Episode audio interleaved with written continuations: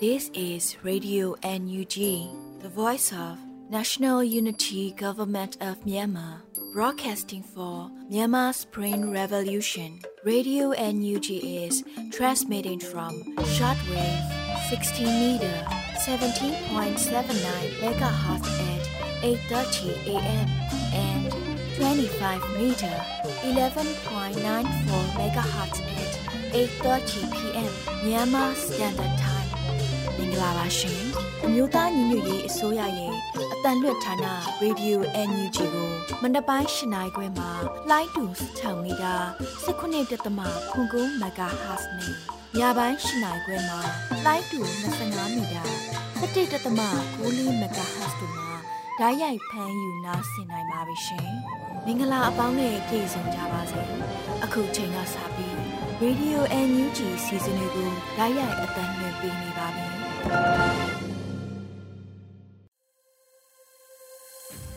ရေဒီယို NUG သောတာရှင်ပေါင်းနဲ့မြန်မာနိုင်ငံသူနိုင်ငံသားအပေါင်းတို့တဘာဝပြီးဆရာနာရှင်ဘေးတို့ကနေကင်ဝေးပြီးကိုစိတ်နှပြချမ်းမာချမ်းသာလို့ဘေးကင်းလုံခြုံကြပါစေလို့ရေဒီယို NUG ဝိုင်းတော်သားတွေကဆုတောင်းမြတ်တာပို့သလိုက်ရပါတယ်ရှင်။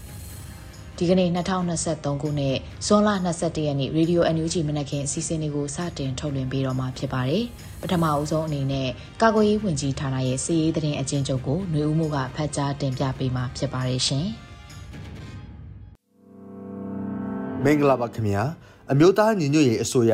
ကာကွယ်ရေးဝန်ကြီးဌာနမှထုတ်ဝေသောနေ့စဉ်စည်ရေးသတင်းအကျဉ်းချုပ်များကိုတင်ပြသွားပါမယ်ယနေ့တနိုင်ငံလုံးအတိုင်းအတာအနေနဲ့ရန်သူတပ်သား 3ဦးသေဆုံးပြီးရန်သူတပ်သားစုံစမ်းဆဲဒဏ်ရာရှိခဲ့ပါတယ်အာနာသိန်းချမ်ပတ်စစ်တပ်နဲ့တိုက်ပွဲဖြစ်ပွားမှုများကိုဥစွာတင်ပြသွားပါမယ်မုံပြည်နယ်တွင်ဇွန်လ19ရက်နေ့ညနေ4နာရီခန့်တွင် KNU တပ်မဟာ1နယ်မြေတိုက်ထိုမြို့နယ်တွင်စစ်သားနှင့်ရဲ15ဦးခန့်အခြေစိုက်သည့်ကင်မွန်ချောင်းနယ်မြေရဲစခန်းကို PPDF KD drone team TPDF drone team YEF drone team နှင့် KNLA PDF KRF ကြိုက်ထူပကဖပူးပေါင်းအဖွဲ့က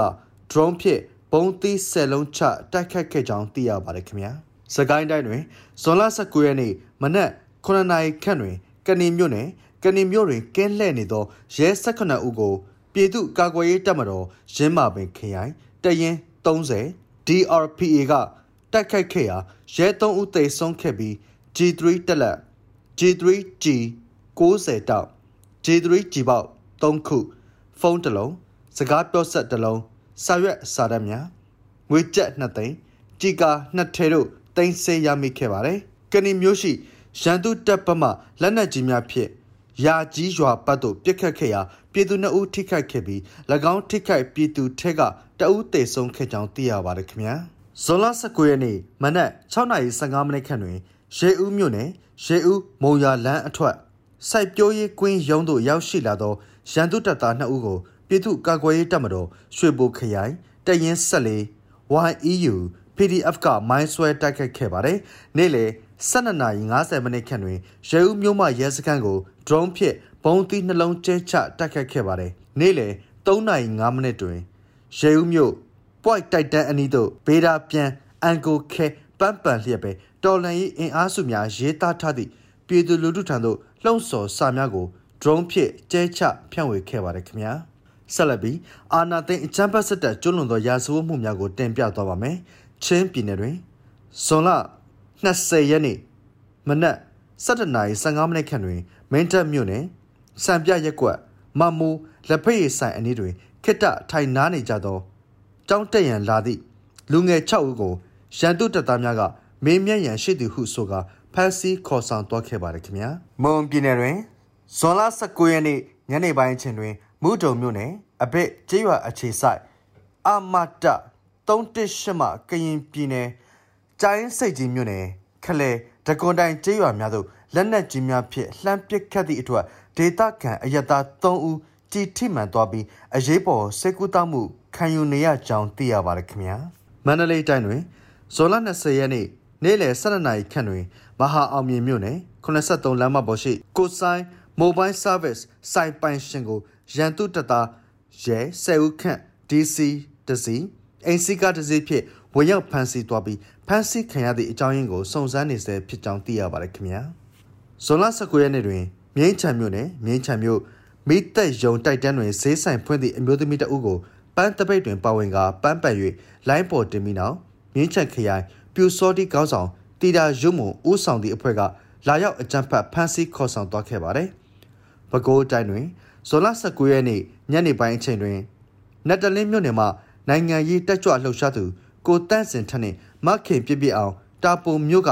မဝင်းလေးတို့သုံးကိုနိုင်ငံတော်၏အတိုင်ပင်ခံပုဂ္ဂိုလ်ဒေါ်အောင်ဆန်းစုကြည်၏88နှစ်မြောက်မွေးနေ့အထိမ်းအမှတ်အနေဖြင့်ပန်းတပိတ်တွင် ပါဝင်ဆင်နွှဲခဲ့သောကြောင့်ဟုဆိုကာရန်သူတပ်ကဖမ်းဆီးသွားခဲ့ပါတယ်။ တနင်္သာရီတိုင်းတွင်ဇွန်လ19ရက်နေ့ညနေပိုင်းတွင်တနင်္သာရီမြို့နယ်ခမရ961တနင်္သာရီကာယခမ120မမလက်နက်ကြီးပစ်ခတ်မှုကြောင့်ရေပေါ်ရွာကဖျားစေတီထိမှန်ကပျက်စီးသွားပြီးဗန်လင်ရွာကအသက်ကြီးပိုင်းအမျိုးသမီးတအုပ်ယူဦးကောင်းတွင်လက်နက်ကြီးစာထိမှန်ဒဏ်ရာရရှိခဲ့ကြောင်းသိရပါတယ်။ဇွန်လ19ရက်နေ့နေ့လယ်ပိုင်းတွင်ဒဝဲခရိုင်တပိတ်ကော်မတီဝင်ကိုမင်းလွင်ဦးကိုဖမ်းမမိသောကြောင့်အဖေဖြစ်သူဦးအောင်ဖေကိုစစ်တပ်ကရိုက်နှက် ဖမ်းခေါ်သွားခဲ့ပါတယ်။ရန်သူတပ်သား40ဦးခန့်ကားလေးစီးနှင့်ရောက်လာပြီးနေအိမ်ထက်ရှိပစ္စည်းအချို့ကိုဖျက်ဆီးခဲ့သည့်အပြင်ဖုန်းနှလုံးနဲ့ငွေကျပ်၈သိန်းပါယူဆောင်သွားကြောင်းသိရပါတယ်ခင်ဗျာ။ဟုတ်ကဲ့ပါအခုတင်ပြခဲ့တာကတော့အမျိုးသားညီညွတ်ရေးအစိုးရကာကွယ်ရေးဝန်ကြီးဌာနမှထုတ်ဝေသော နေ့စဉ်စည်ရေးသတင်းအကျဉ်းချုပ်များပဲဖြစ်ပါတယ်ကျွန်တော်ຫນွေဦးမိုးပါခင်ဗျာ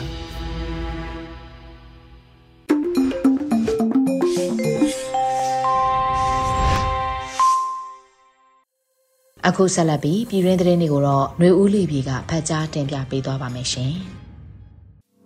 မင်္ဂလာပါရှင်အခုချိန်ကစပြီးဇွန်လ22ရက်နေ့ရေဒီယို NUG ရဲ့မနက်ခင်းပြည်တွင်သတင်းများကိုတင်ပြပေးတော့မှာဖြစ်ပါတယ်ကျမຫນွေဦးလီပြည်ပါ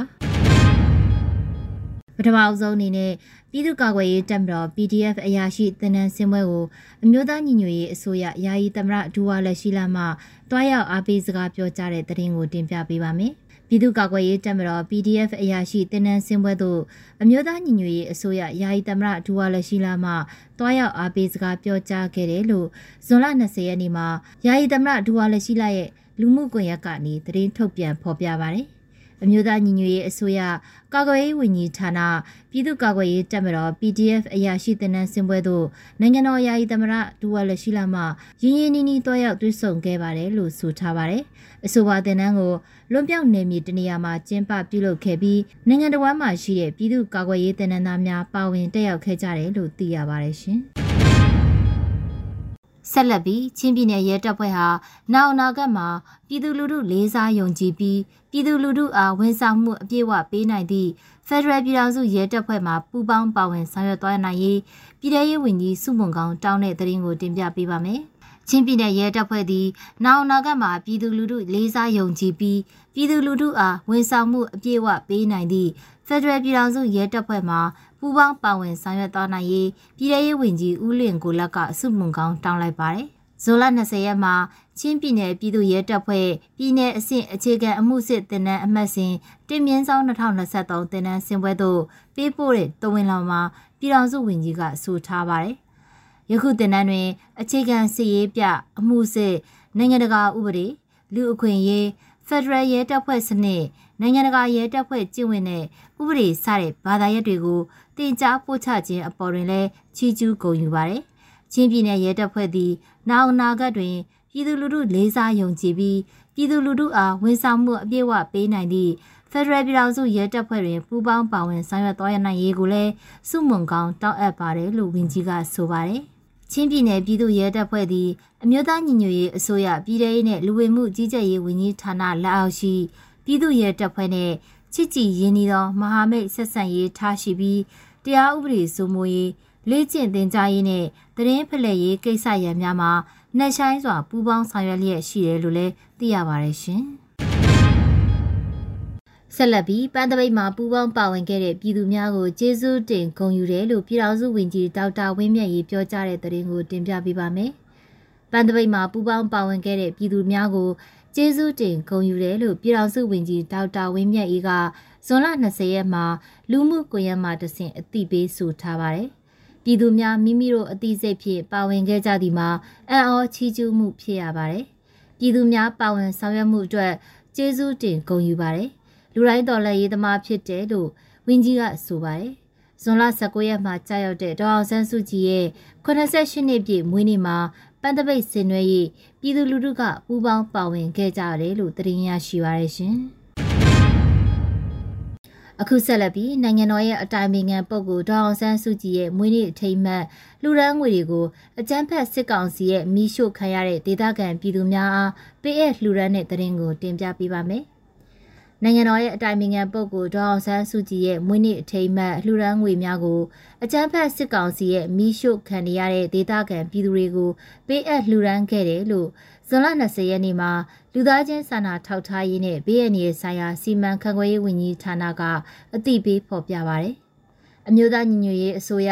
လူသားချင်းစာနာထောက်ထားရေးနဲ့ဘေးအန္တရာယ်ဆိုင်ရာစီမံခန့်ခွဲရေးဝန်ကြီးဌာနသည်အကြမ်းဖက်စစ်ကောင်စီက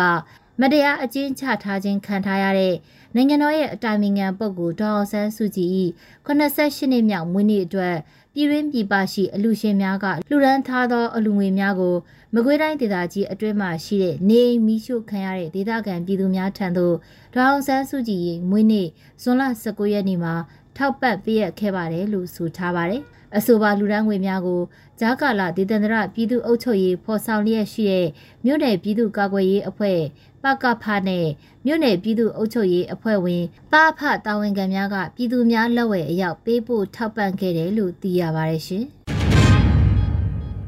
ဆက်လက်ပြီး CDM များဖန်တီးထားတဲ့လက်လုံအိမ်များကိုဝယ်ယူအားပေးရန်အသိပေးဆိုလိုက်တဲ့သတင်းကိုတင်ပြပေးပါမယ်။ဇွန်လ20ရက်နေ့မှာ CDN ပြုလုပ်ဖန်တီးထားတဲ့လက်လုံအိမ်များဝယ်ယူအားပေးဖို့အမျိုးသမီးလူငယ်နဲ့ကလေးတငယ်ရေးရဝန်ကြီးဌာနပြည်ထောင်စုဝန်ကြီးနော်ဆူဇန်နာလှလှစိုးကပြောပါရယ်။ CDN များဖန်တီးထားတဲ့ချစ်စရာအိမ်လေးများဖြစ်ပါတယ်။ Messenger မှာတဆင့်ဝယ်ယူအားပေးနိုင်ပါတယ်လို့ဆိုပါတယ်။အမျိုးသမီးလူငယ်နဲ့ကလေးတငယ်ရေးရဝန်ကြီးဌာနဟာစစ်ဘေးရှောင်အမျိုးသမီးများ CDN ဝန်ထမ်းများကိုတတ်မွေးပညာသင်တန်းများသင်ကြားပေး၍ လက်တွေ့လက်မှုပညာများကို ထုတ်ကုန်အဖြစ်ပြန်လည်ထုတ်လုပ်စေတယ်လို့သိရပါတယ်ရှင်။အခုဆက်လက်ပြီးအကြမ်းဖက်စေအုပ်စုကြောင့်နိုင်ငံတော်ဝန်ဒဇာကန်အဖြစ်ဖမ်းဆီးခံရသူ358ဦးရှိပြီးမန္တလေးတိုင်းမှာ65ဦးနဲ့ရန်ကုန်တိုင်းမှာ60ဦးနဲ့အများဆုံးဖမ်းဆီးခံခဲ့ရတဲ့သတင်းကိုတင်ပြပေးပါမယ်။ဇွန်လ20ရက်နေ့မှာနိုင်ငံရေးအကျဉ်းသားများကူညီဆောင်ရှောက်ရေးအသင်းမှကောက်ယူထားတဲ့သတင်းအချက်အလက်များအရအကြမ်းဖက်စေအုပ်စုကြောင့် နိုင်ငံတော်ဝန်ဒဇာကန်အဖြစ်ဖမ်းဆီးခံထားရသူ358ဦးရှိပြီးမန္တလေးတိုင်းမှာ65ဦးနဲ့ရန်ကုန်တိုင်းမှာ60ဦးနဲ့အများဆုံးဖမ်းဆီးခံခဲ့ရတယ်လို့သိရပါတယ်။2021ခုနှစ်ဖေဖော်ဝါရီလမှ2023ခုနှစ်ဇွန်လ20ရက်နေ့အထိအကြမ်းဖက်စစ်အုပ်စုကြောင့်နိုင်ငံတော်ဝန်တစားကန်အဖြစ်ဖမ်းဆီးခံရသူ358ဦးရှိပြီးမန္တလေးတိုင်းမှာ65ဦးနဲ့ရန်ကုန်တိုင်းမှာ60ဦးဖြင့်အများဆုံးဖမ်းဆီးခံရတယ်လို့ဆိုပါတယ်။ 2021ခုနှစ်အာဏာသိမ်းချိန်ကနေ2023ခုနှစ်ဇွန်လ20ရက်နေ့ထိတိုင်ဖမ်းဆီးခံခဲ့ရသူစုစုပေါင်း2386ဦးရှိပြီးအဲ့ဒီထဲမှာ1944ဦးမှာထိမ့်သိမ်းခံရဆဲဖြစ်ပြီးထိမ့်သိမ်းခံရသူအများအနက်6458ဦးမှာထောင်ဒဏ်ချမှတ်ခြင်းခံထားရပါတယ်ရှင်။ဆက်လက်ပြီးပလဲမြို့နယ်ဇီးပြူကုန်းပြူရွာကို တာဝေးပစ်ရှော့တုံးရော့ကတ်လေးလုံးနဲ့ပစ်ခတ်တိုက်ခတ်ခဲ့တဲ့တဲ့ရင်ကိုတင်ပြပေးပါမယ်။စကိုင်းတိုင်းပလဲမြို့နယ်ဇီးပြူကုန်းပြူရွာကိုတာဝေးပစ်ရှော့တုံးရော့ကတ်လေးလုံးနဲ့ပစ်ခတ်တိုက်ခတ်ခဲ့တယ်လို့ဇွန်လ20ရက်နေ့မှာစီးရဲသတင်းကိုရင်းမပင်ခရိုင်တပ်ရင်း19ပလဲဂျိုကာစ် PDF ကအသိပေးဆိုပါရယ်ပလဲမြို့နယ်ဇီးပြူကုန်းပြူရွာဟာဇွန်လ19ရက်နေ့ည8နာရီခွဲအချိန်မှာရင်းမပင်ခရိုင်တပ်ရင်းအမှတ်19 ပလဲဂျိုကာစ် PDF မှတာဝေးပစ်ရှော့တုံး rocket လေးလုံးနဲ့ပစ်ခတ်တိုက်ခိုက်ခဲ့တယ်လို့ဆိုပါရယ်အဲ့လိုပစ်ခတ်ပြီးကာကွယ်ရေးဘက်မှအထီးခိုက်မရှိပြန်လည်ဆုတ်ခွာနိုင်ခဲ့ပြီးစစ်ကောင်စီအထီးခိုက်ကြဆုံးကိုမူစုံစမ်းဆဲဖြစ်တယ်လို့သိရပါတယ်ရှင်။အခုဆက်လက်ပြီးပခုတ်ကူမြို့နယ်အရှိ6ကန်ရွာနဲ့အနောက်6ကန်ရွာအကြားမှာရှိတဲ့စစ်ကောင်စီစစ်စေးရေးဂိတ်ကိုကာကွယ်ရေးတပ်များဝင်ရောက်တိုက်ခတ်ခဲ့တဲ့တဲ့ရင်ကိုတင်ပြပေးပါမယ်။ ပခုတ်ကူမြို့နယ်အရှိ6ကန်ရွာနဲ့အနောက်6ကန်ရွာကြားမှာရှိတဲ့စစ်ကောင်စီစစ်စေးရေးဂိတ်ကိုကာကွယ်ရေးတပ်များဝင်ရောက်တိုက်ခိုက်ခဲ့တယ်လို့ဇွန်လ20ရက်မှာစစ်ရေးသတင်းကိုမြိုင်ပခဖကအသိပေးဆိုထားပါတယ်။ပဇွန်လ19ရက်နေ့လယ်တနင်္ဂနွေခွဲကမှပခောက်ကူမြို့နယ်အရှိ6ကန်ရွာနဲ့အနောက်6ကန်ရွာအကြားစစ်စေးရေးဂိတ်ကိုဝင်ရောက်တိုက်ခိုက်ခဲ့ပါတယ်။မီတာ80ခန့်အကွာမှာရှိတဲ့စစ်ကောင်စီတပ်က2ဦးအားလဲကျသွားသည့်အထိပစ်ခတ်နိုင်ခဲ့ပြီး စုစုပေါင်း9ဦးခန့်ထိခိုက်မှုရှိခဲ့တယ်လို့ဆိုပါတယ်။တိုက်ခိုက်မှုကို Burma Revolution Ranger Germany Drone တပ်ဖွဲ့6 Guerrilla Force Black Dragon PBDF မြိုင်တရင်တစ်နဲ့တက်ခွဲ3ဘူတထောင်ပျောက်ကြားတပ်ဖွဲ့တို့ကပူးပေါင်းတိုက်ခိုက်ခဲ့ခြင်းဖြစ်ပါတယ်ရှင်။ဆက်လက်ပြီး PDF မင်းဘူးခရိုင်တရင်3ကစေတုတ်ထရာမြို့နယ်တပွင်ရွာရဲစခန်းကိုတိုက်ခိုက်မိရှို့ဖျက်ဆီးနိုင်ခဲ့က ပြူစောတိနှစ်ဦးကိုစစ်တုံးပန်းအဖြစ်ဖမ်းဆီးရမိတဲ့တဲ့ရင်ကိုတင်ပြပေးပါမယ်။ PDF မင်းဘူးခရိုင်တရင်3ကစေတုတ်ထရာမြို့နယ်တပွင်ရွာရဲစခန်းကိုတိုက်ခိုက်မိရှို့ဖျက်ဆီးနိုင်ခဲ့တယ်လို့ဇွန်လ20ရက်နေ့မှာပြည်သူ့ကာကွယ်ရေးတပ်မတော် PDF စီယုံချုပ်ကသတင်းထုတ်ပြန်ပါတယ်။ဇွန်လ15ရက်နေ့ညနေ9:45မိနစ်အချိန်မှာမကွေးတိုင်းမြင်းမှုခရိုင်စေတုတ်ထရာမြို့နယ်တပွင်ရွာရဲစခန်းမှာစခန်းချတပ်ဆွဲထားတဲ့ခါလာရ253 254 255 ကပ္ပစ20နဲ့ပူးပေါင်းတပ်ဖွဲ့အင်အား40ခန်းကိုပြည်သူ့ကာကွယ်ရေးတပ်မတော် PDF မြင်းမှုခရိုင်တပ်ရင်း3ကဝင်ရောက်စီးနင်းတိုက်ခိုက်ခဲ့တယ်လို့ဖော်ပြထားပါတယ်။တပ်ပွဲဖြစ်ပွားချိန်တွင်ရန်သူတပ်သားများစခန်းစွန့်ခွာထွက်ပြေးသွားပြီးပြူစောတိနှစ်ဦးကိုစစ်တုံးပန်းအဖြစ်ဖမ်းဆီးရမိပြီးဆိုင်ကယ်တစ်စီးနဲ့ရိတ်ခါအနေငယ်တင်စီရရှိခဲ့တယ်လို့ဆိုပါတယ်။ရန်သူစွန့်ခွာသွားတဲ့စခန်းကို ပြည်သူ့ကာကွယ်ရေးတပ်မတော်သားများကမိရှို့ဖျက်ဆီးနိုင်ခဲ့ပြီးအထိခိုက်မရှိအောင်မြင်စွာဆုတ်ခွာနိုင်ခဲ့တယ်လို့သတင်းရရှိပါရရှင်။ခုဆက်လက်ပြီးကမ္ဘာဒုက္ခသည်များနဲ့အာဆီယံရုံးရှိမှာအင်ဒိုနိုင်ငံသားတွေမြန်မာအရေးအတွက်ဆန္ဒပြတဲ့သတင်းကိုတင်ပြပေးပါမယ်။ကမ္ဘာဒုက္ခသည်များနဲ့အာဆီယံရုံးရှိမှာအင်ဒိုနိုင်ငံသားတွေမြန်မာအရေးအတွက်ဆန္ဒပြခဲ့ကြပါတယ်။ဇွန်လ20ရက်နေ့မှာ လိုကိုဝါအဖွဲ့ဝင်အင်ဒိုနီးရှားပြည်သူတွေကဆရာဒါရှင်ကြောင့်ဒုက္ခရောက်နေကြတဲ့မြန်မာပြည်သူတွေအတွက်ဝိုင်းဝန်းဆန္ဒပြပေးခဲ့ကြတယ်လို့သိရပါတယ်။မြန်မာနိုင်ငံသားတွေအပေါ်စစ်ကောင်စီဖိနှိပ်တပ်ဖြတ်မှုတွေချက်ချင်းရပ်တန့်ရတဲ့နိုင်ငံတကာကစစ်ကောင်စီကိုအရေးယူဖို့တောင်းဆိုခဲ့ကြပါတယ်။ဇွန်လ19ရက်နေ့ကလည်းနော်ဝေနိုင်ငံမှာကျင်းပတဲ့ဒေါအောင်ဆန်းစုကြည်ရဲ့88နှစ်ပြည့်မွေးနေ့အခမ်းအနားကို နော်ဝေရောက်ယူကရိန်းသူများတက်ရောက်ဝန်းရံခဲ့ပါတယ်ရှင်။အခုတင်ပြပေးခဲ့တဲ့သတင်းတွေကိုတော့ Radio NUG သတင်းတောက်မင်းတီဟန်ကပေးပို့ထားတာဖြစ်ပါတယ်ရှင်။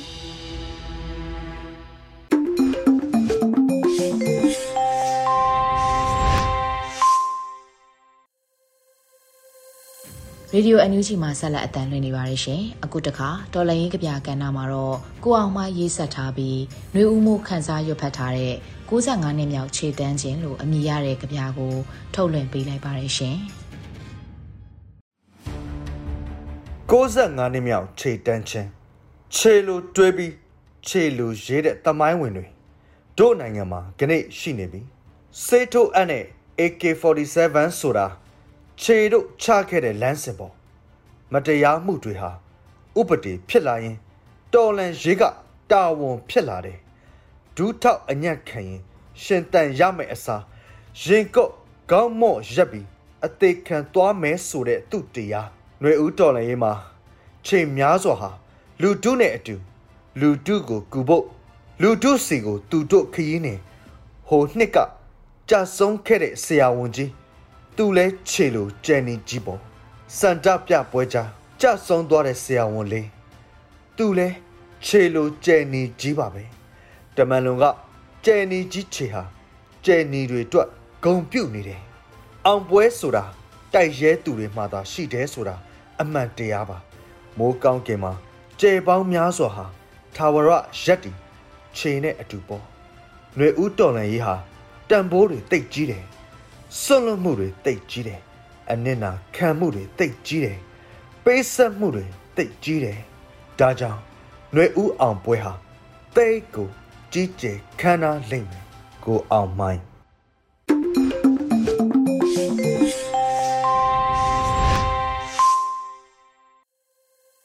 အခုဆက်လက်ပြီးမုံမခဆောင်းပါအစီအစဉ်မှာတော့ဒေါအောင်ဆန်းစုကြည်မွေးနေ့ပန်းတပိတ်လုပ်သူတချို့ဖမ်းဆီးခံရရန်ကုန်မြို့မှာရွှေဆိုင်ဓမြတိုင်းလို့အမည်ရတဲ့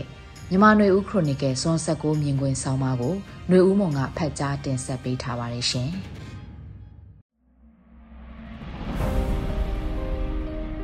မြန်မာຫນွေခရိုနီကယ်စွန်ဆက်ကိုမြင်ကွင်းဒေါအောင်ဆန်းစုကြည်မွေးနေ့ပန်းတပိတ်လုပ်သူတချို့ဖမ်းဆီးခံရရန်ကုန်မြို့မှာရွှေဆိုင်ဓမြတိုက်ဇွန်လ19ရက်မှာကြာရောက်တဲ့ဒေါအောင်ဆန်းစုကြည်ရဲ့88နှစ်မြောက်မွေးနေ့ကိုပန်းပန်ချင်းဖျားပန်းတင်ချင်းစတဲ့လှုပ်ရှားမှုတွေလုပ်ဖို့မြို့တွေမှာတပိတ်အဖွဲ့တွေက social media platform ကိုအသုံးပြုပြီးလူထုအနေနဲ့ပါဝင်ကြဖို့လှုံ့ဆော်ခဲ့ကြပြီးဇွန်လ19ရက်နေ့မှာညပြည်သူသွားလာနေတဲ့နေရာတွေမှာပန်းပန်သူ ပန်းထိုးဖို့ပန်းဝယ်လာသူအချို့ကိုစစ်ကောင်စီတပ်တွေကတပိတ်လှုပ်ရှားမှုမှာပါဝင်သူဆိုတဲ့တန်တရားနဲ့ဖမ်းဆီးခဲ့ကြပါတယ်။ရန်ကုန်မြို့မှာအ ਨੇ ဆုံးလူတရာစင်ခန့်နဲ့စကိုင်းတိုင်းကလေးမြို့မှာအချို့ဖမ်းဆီးခံခဲ့ကြရတယ်လို့သတင်းဖော်ပြမှုတွေအရသိရှိရပါတယ်။ပန်းပန်ယုံမျှသို့မဟုတ်ဗုဒ္ဓဘာသာအရဖျားစင်မှာဖျားပန်းစက်ကပ်ဖို့ပန်းဝယ်လာယုံမျှနဲ့စစ်ကောင်စီတပ်တွေကဖမ်းဆီးတယ်ဆိုတဲ့အဖြစ်ကအခြားနိုင်ငံတွေကသူတွေကြားသိရင် စစ်ကောင်စီလုပ်ရက်ကရဲစရာကောင်းတယ်လို့ထင်မြင်စရာရှိပေမဲ့မြန်မာနိုင်ငံကလက်တွေ့ဖြစ်ရတွေကတော့ရဲစရာထက်သင်္ကေတသဘောဆန်တဲ့နိုင်ငံရေးလှုပ်ရှားမှုစစ်တပ်က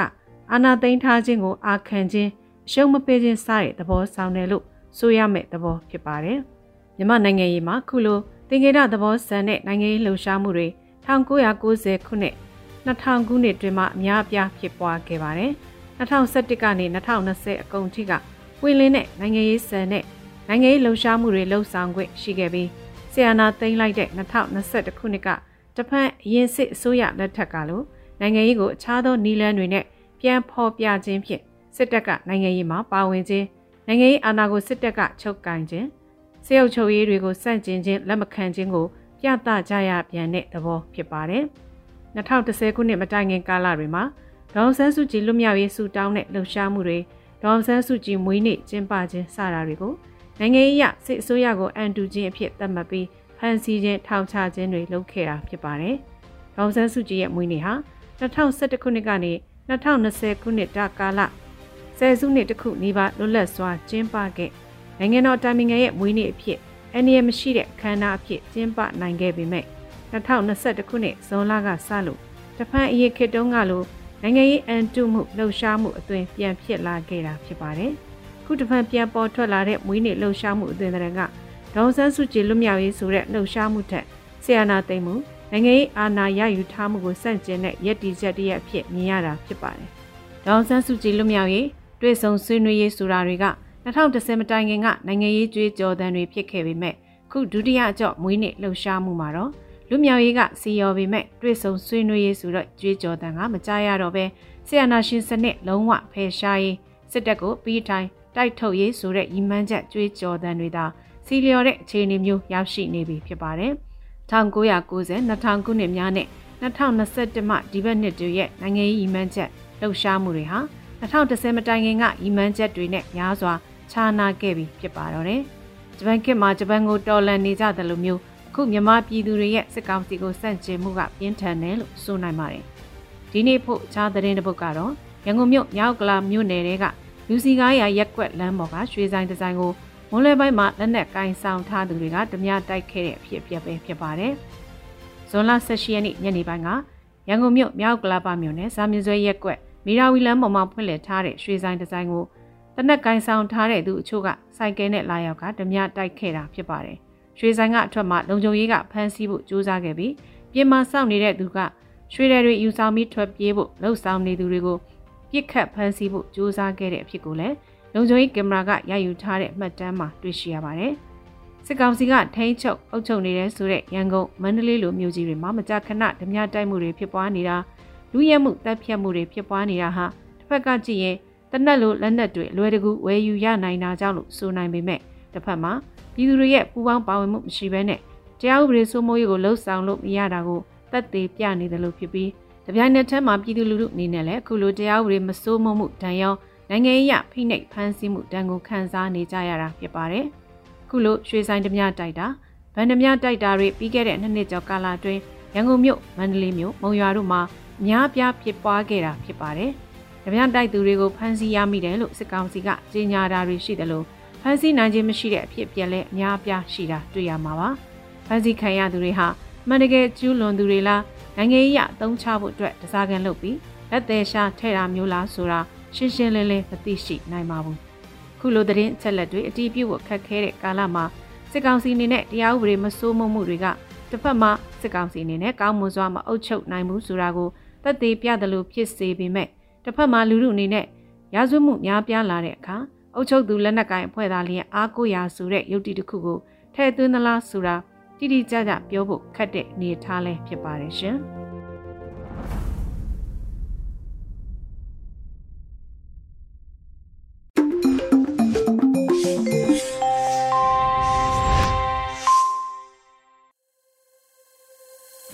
ရေဒီယိုအန်ယူဂျီကိုနာတော်တာဆင်နေကြတဲ့ပရိသတ်ပေါင်းတို့ရှင် အခုနောက်ဆုံးအနေနဲ့တော်လန်ရေးတေဂီတာအစီအစဉ်မှာတော့တေးရေးတေးဆိုဆရာအောင်ရဲ့အမိရဲ့မြေငါတို့ပြည်လို့အမိရတဲ့တေးသချင်းကိုနားဆင်ပေးကြပါအောင်ရှင်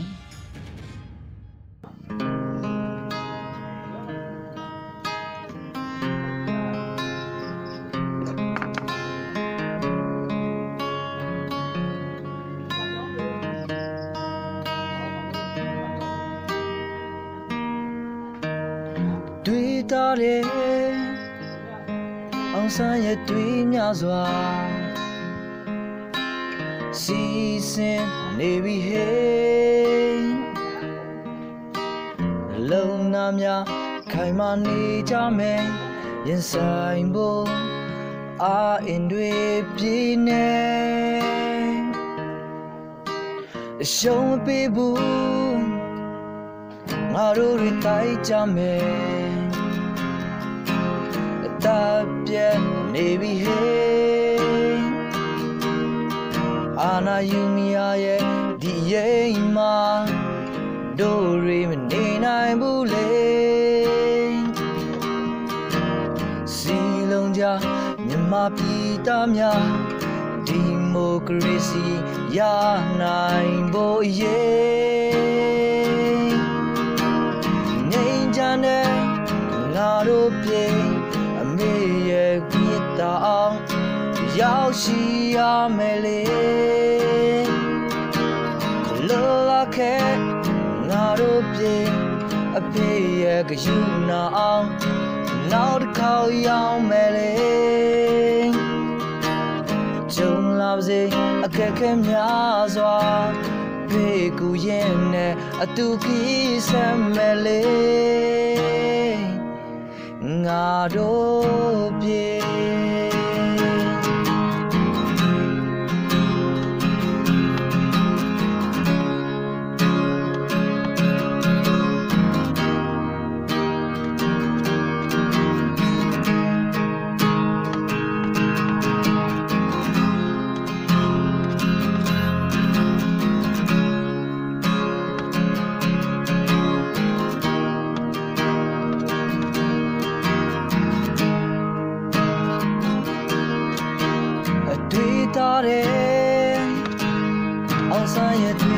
စွာ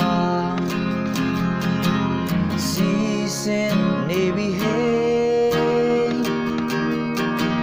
မလုံးသားများခိုင်မာနေကြမယ်ရင်ဆိုင်ဖို့အာအင်တွေအပြည့်နဲ့အရှုံးပေးဘူးငါတို့တွေတိုက်ကြမယ်တာပြတ်နေ ယူများရဲ့ဒီရိမ်မှာတို့တွေမနေနိုင်ဘူးလေစီလုံးကြမြမပြည်သားများဒီမိုကရေစီရနိုင်ဖို့ရေး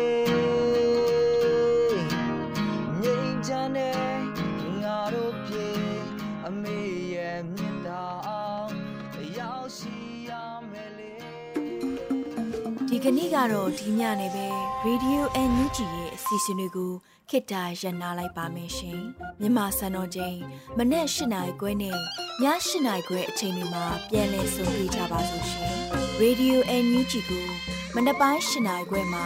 လိုင်းတူ16မီတာ19.7ခုကူမဂါဟတ်နဲ့ညပိုင်း၈နိုင်ခွဲမှာလိုင်းတူ25မီတာ17.6မဂါဟတ်တို့မှာဓာတ်ရိုက်ဖမ်းယူ နားဆင်နိုင်ပါပြီရှင်။မြန်မာနိုင်ငံသူနိုင်ငံသားများကိုယ်စိတ်နှဖျားစမ်းမချမ်းသာလို့ဘေးကင်းလုံခြုံကြပါစေလို့ Radio NUG ရဲ့ဖွဲ့သူဖွဲ့သားများကဆုတောင်းလိုက်ရပါတယ်။ San Francisco Bay Area အခြေစိုက်မြမမိသားစုများနဲ့နိုင်ငံတကာကစေတနာရှင်များလို့အားပေးကြရဲ့ Radio NUG ဖြစ်ပါတယ်ရှင်။အရေးတော်ပုံအောင်ရမည်။